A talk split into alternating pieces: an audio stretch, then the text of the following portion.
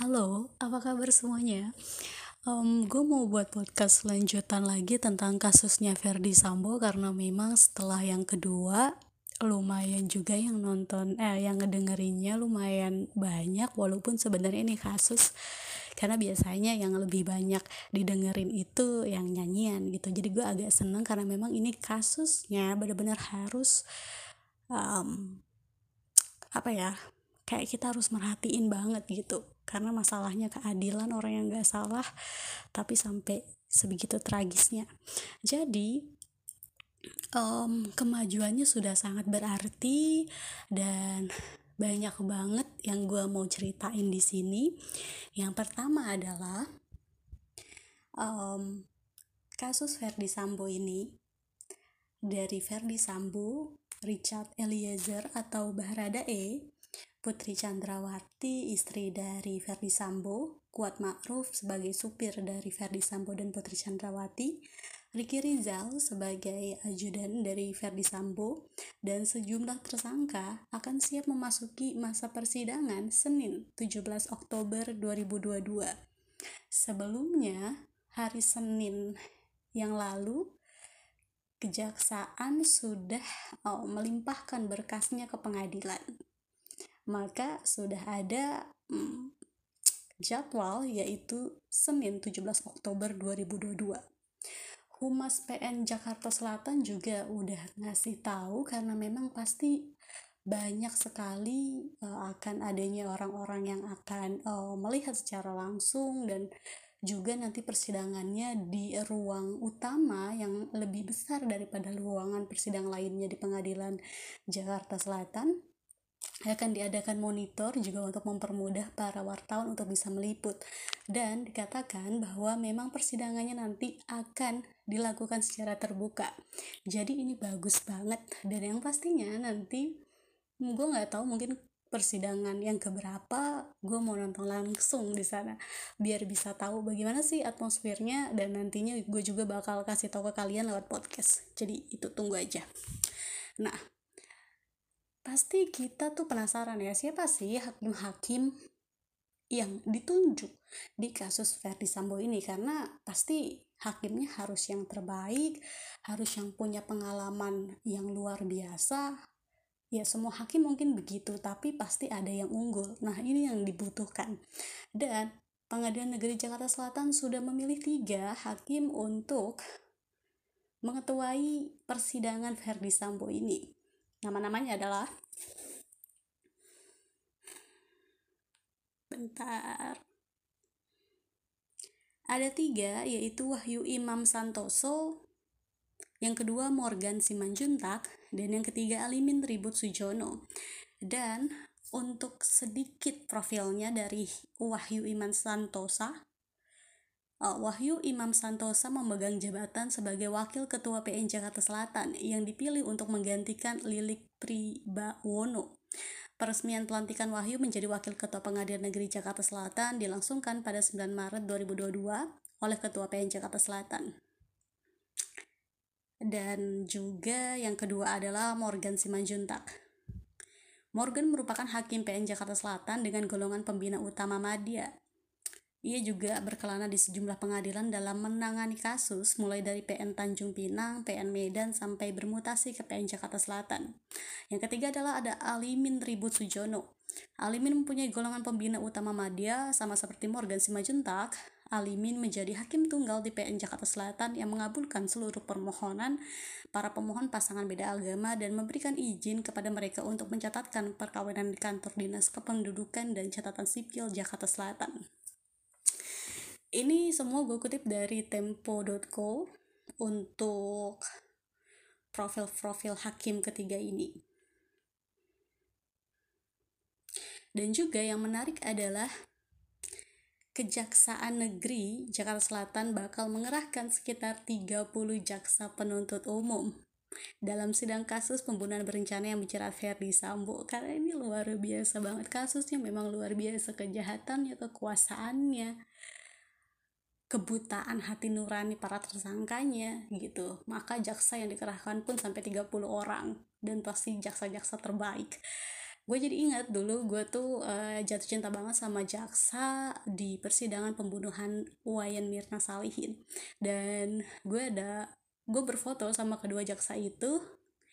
Dan kayak keren banget gitu loh mereka. Jadi gue agak gue agak penasaran juga nih sama uh, wajah-wajah jaksa-jaksa yang keren-keren nanti itu oke dan terus yang paling sebenarnya membuat geleng-geleng kepala yang agak kayak membingungkan adalah bahwa di tengah-tengah mantan jubir KPK yaitu Ferbi Diansah bergabung menjadi tim penasihat hukum Ferdi Sambo dan Putri Chandrawati.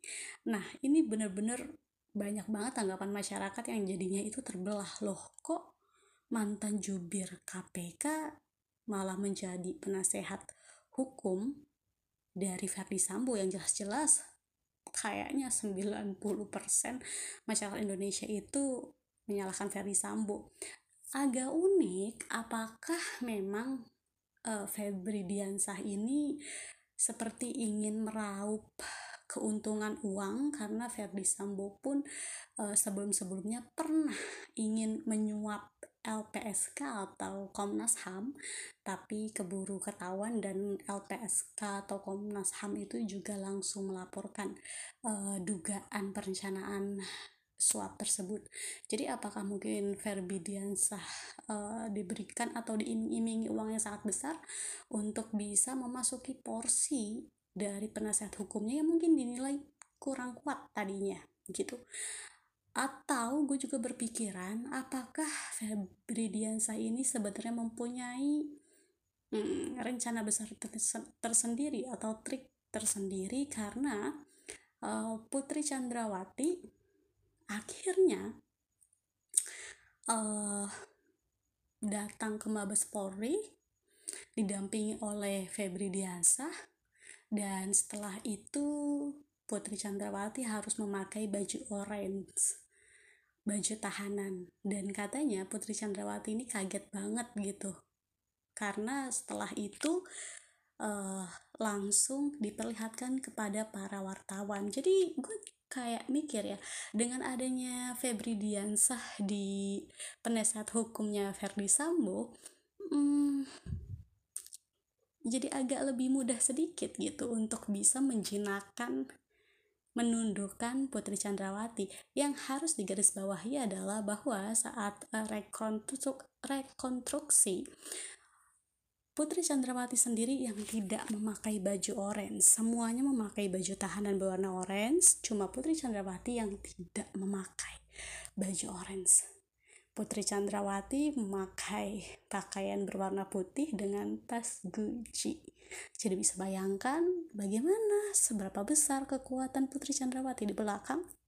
Tapi saat diantar oleh Febri Diansah ke Mabes Polri, hmm, Putri Chandrawati katanya sempat kaget, tahu-tahu um, langsung diharuskan memakai baju orange dan diperlihatkan ke wartawan yang sebelumnya saat memasuki Mabes Polri uh, katanya lewat pintu Doraemon gitu karena wartawan tidak mengetahui saat Putri Chandrawati uh, datang ke sana.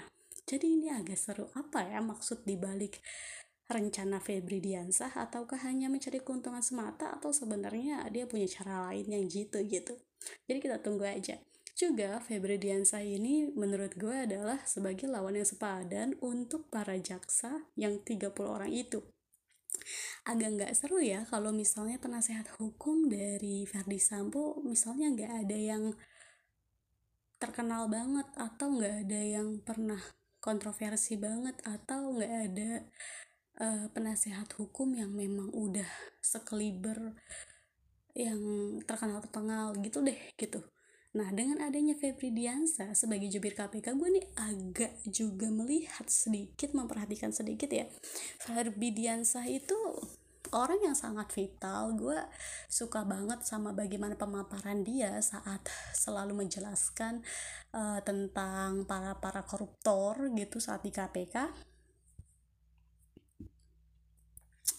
Dan gue berpikir dia orang baik gitu sangat-sangat uh, lugas dan jelas dari bahasanya. Terlihat sekali orang yang sangat cerdas. Jadi ini akan menjadi hmm, lawan yang sebanding dengan jaksa penuntut umum yang 30 orang itu. Jadi kita bisa lihat uh, kekuatan-kekuatan otak, kekuatan-kekuatan intelektual, kekuatan-kekuatan bahasa dari jaksa dan juga Febri Diansa sebagai uh, penasihat hukum pembela hukum dari Verdi Sambo.